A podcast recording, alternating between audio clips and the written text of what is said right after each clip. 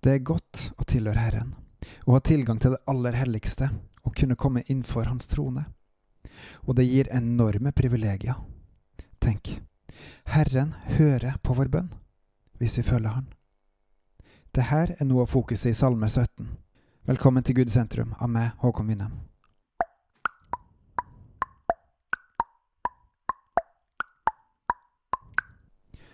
David var en som var ofte framfor Herren, og som ba mye til Han. En del av disse bønnene har blitt skrevet opp i Salmenes bok, og Salme 117 er en av de.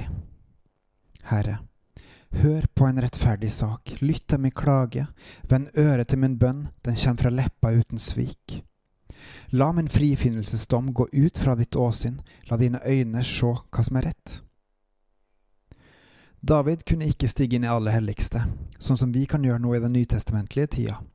For når han, var, når han levde, så var det tabernaklet som gjaldt, og da var det aller helligste et fysisk rom. Samtidig, David visste at han alltid kunne be til Gud, og at Gud hørte han. Og hvorfor gjorde han det? Jo, fordi han holdt hans forskrifter så godt han kunne, og han var en som hele tida ydmyka seg for Herren og søkte Guds tilgivelse. Han omvendte seg til Herren, og han søkte Guds råd i veldig, veldig mange tilfeller. Og så gjorde han feil også. Men han visste at han hadde leppa uten svik. Han visste at Gud så hva han gjorde, og at han hadde et hjerte for Herren. Og dermed så steg David gang på gang framfor Herren, på ulike måter, og retta, løfta sitt hjerte til Herren. Du har prøvd mitt hjerte, gjesta det om natta. Du har ransaka meg, du fant intet. Min munn viker ikke av fra mine tanker. Etter ordet fra din munn har jeg tatt meg i vare for menneskers gjerninger, for voldsmannens stier. Mine skritt holdt fast ved dine fotspor, mine skritt ble ikke ustøe.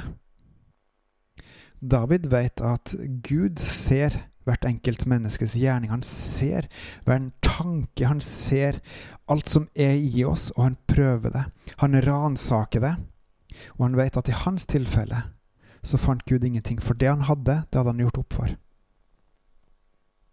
Og David vet også at ja, man må holde seg vekke fra det onde. Man må holde seg vekke fra det onde som vi mennesker finner på. Og David har prøvd etter sin beste vilje å følge rett og slett det Gud sier, det som Gud eh, tegner opp som en sti man skal gå på.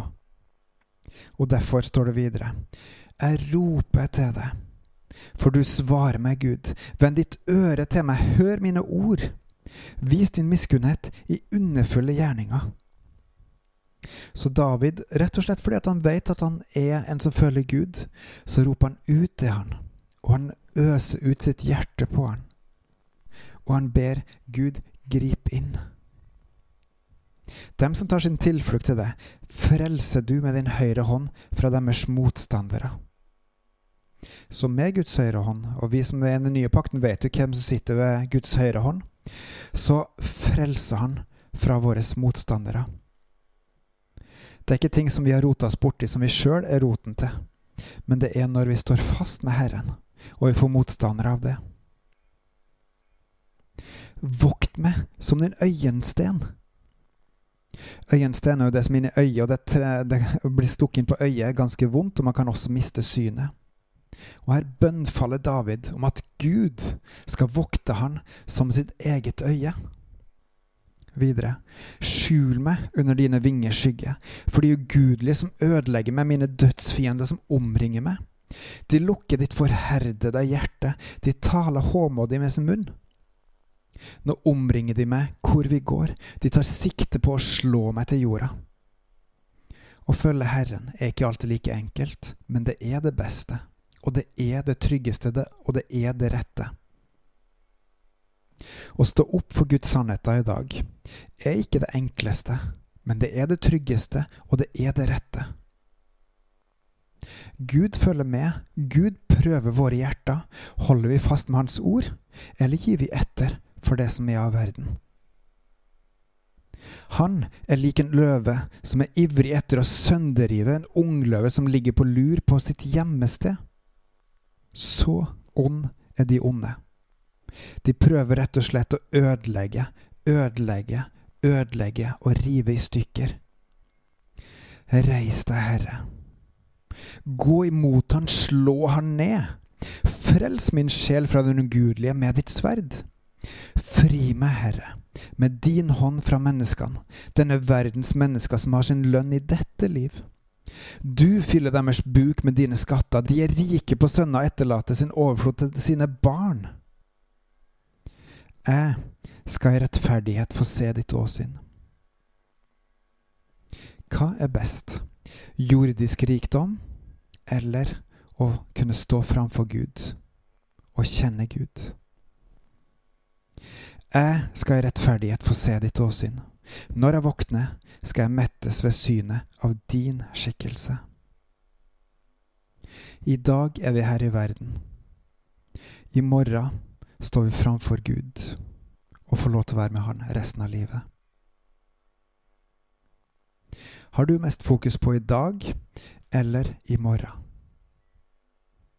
Også i bønn. Har du mest fokus på i dag eller i morgen? Stig framfor Gud, inn i det aller helligste, med alle de privilegiene det er å innebære. At vi får lov til å kjenne Han som har skapt alt og alle. Og be også fram Hans rike når du står der, for det er det som er på Guds hjerte. Og ja, det er godt å tilhøre Herren og ha tilgang til det aller helligste. Tenk, Herren hører på våre bønner hvis vi følger Han. Bebels med Guds rike i sentrum. På gjenhør.